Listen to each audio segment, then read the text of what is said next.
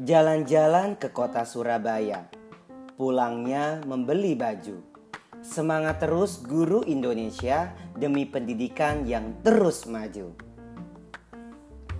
Berbicara tentang pendidikan, saya yakin semua pasti pernah mengenyamnya. Mulai dari TK, SD, SMP, SMA, bahkan ada yang sampai S1, S2, dan S3 hingga menjadi seorang profesor. Saat ini, pekerjaan saya adalah seorang pendidik. Ya, seorang guru SD di salah satu sekolah swasta di Jakarta Selatan. Walaupun masih ada yang memandang sebelah mata dan berkata, "Ngapain sih jadi guru? Kan gajinya kecil. Kapan mau kayaknya?" Bagi saya, guru itu bukan hanya sekedar profesi, tapi juga adalah panggilan dari hati. Asik, cakep gak tuh? Mengapa menjadi guru? Sebelum akhirnya saya memutuskan menjadi seorang guru, setelah lulus dari sebuah kampus pendidikan di Jakarta sejak empat tahun lalu, sebenarnya saat masih aktif menjadi seorang mahasiswa, saya sudah sangat mencintai dunia mengajar. Saya merasa sangat bahagia ketika berinteraksi dengan anak-anak, melihat semangat mereka bernyanyi. Pagiku cerahku, matahari bersinar, ku gendong tas merahku di pundak. Selamat pagi semua, ku nantikan dirimu di depan kelasmu, menantikan kami melihat mereka berlari dan juga bermain seolah menjadi candu bagi saya untuk terus membersamai mereka. Apalagi melihat momen aha mereka itu. Oh, gitu ya, Pak. Oke, sekarang saya ngerti, Pak. Oh, I see. Begitulah kurang lebih kata-kata mereka ketika mendapatkan ilmu dan pengetahuan yang baru. Sungguh sebuah momen yang ditunggu-tunggu dan begitu berharganya bagi seorang guru. Berkat kecintaan pada dunia mengajar dan dunia anak-anak, pada tahun 2014 saya terpilih menjadi seorang relawan, yaitu menjadi cekgu atau guru untuk mengajar anak-anak TKI di Sarawak, Malaysia. Melalui program VTIC, Volunteerism Teaching Indonesian Children. Sungguh banyak cerita menarik dan menginspirasi dari pengalaman ini. Cikgu Udin. Ya, begitulah panggilan anak-anak di Sarawak kepada saya. Ini yang perlu digarisbawahi bahwa di sana saya mengajar anak-anak Indonesia, bukan anak-anak Malaysia. Lebih tepatnya, mereka merupakan anak-anak TKI atau tenaga kerja Indonesia dan TKW tenaga kerja wanita yang dilahirkan dan dibesarkan di Sarawak. Sedangkan saat itu, sebagian besar dari mereka sungguh amat jauh dari yang namanya pendidikan sekolah. Kenapa?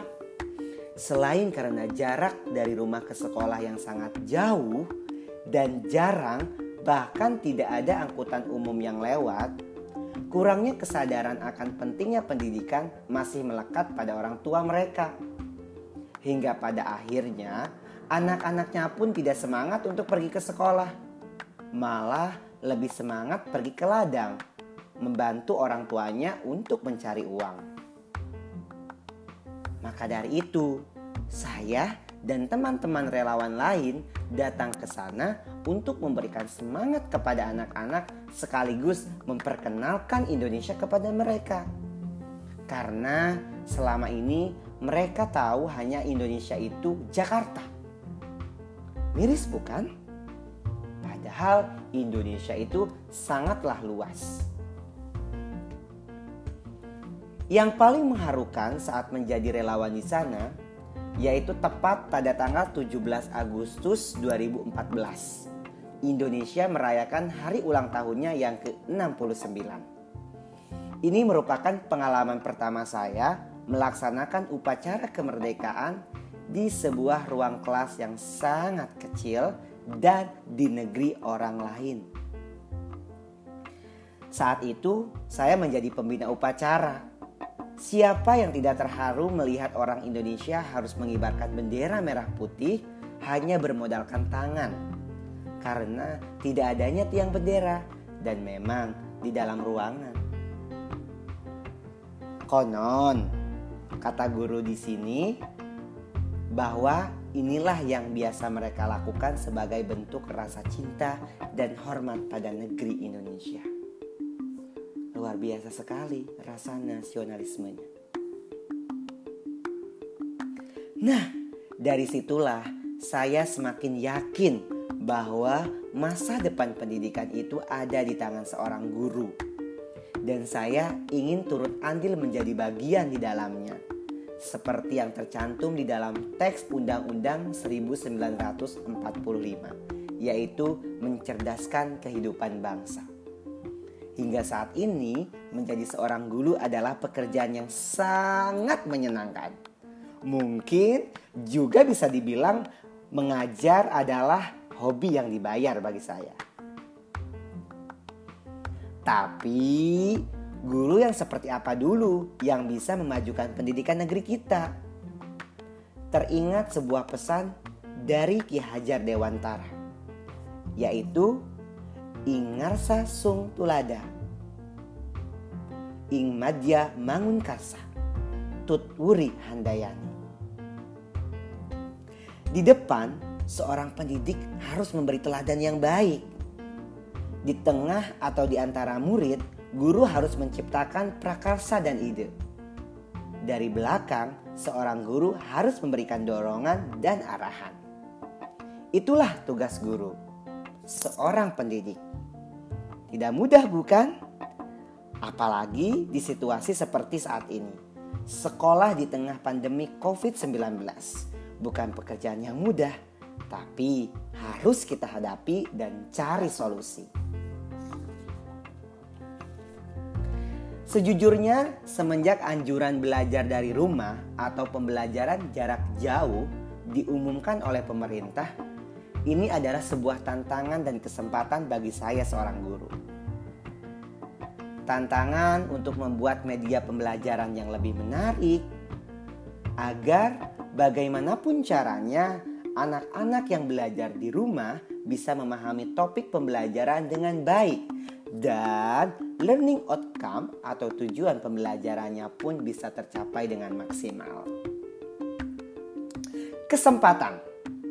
Kesempatan untuk mengeksplor teknologi.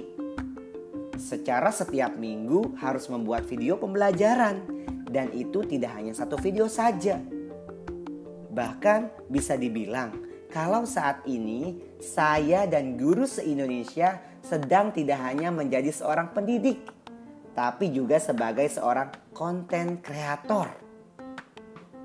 Lebih ajibnya, kita tidak hanya sebagai artis atau pemeran dalam video pembelajaran loh, tapi juga sebagai scriptwriter, editor, bahkan kameramen. Karena harus bergantian dengan guru yang lain untuk merekam. Nah, tidak hanya berhenti sampai di sana. Setiap minggunya juga saya rutin mengecek pekerjaan anak-anak yang telah dikumpulkan melalui Google Classroom.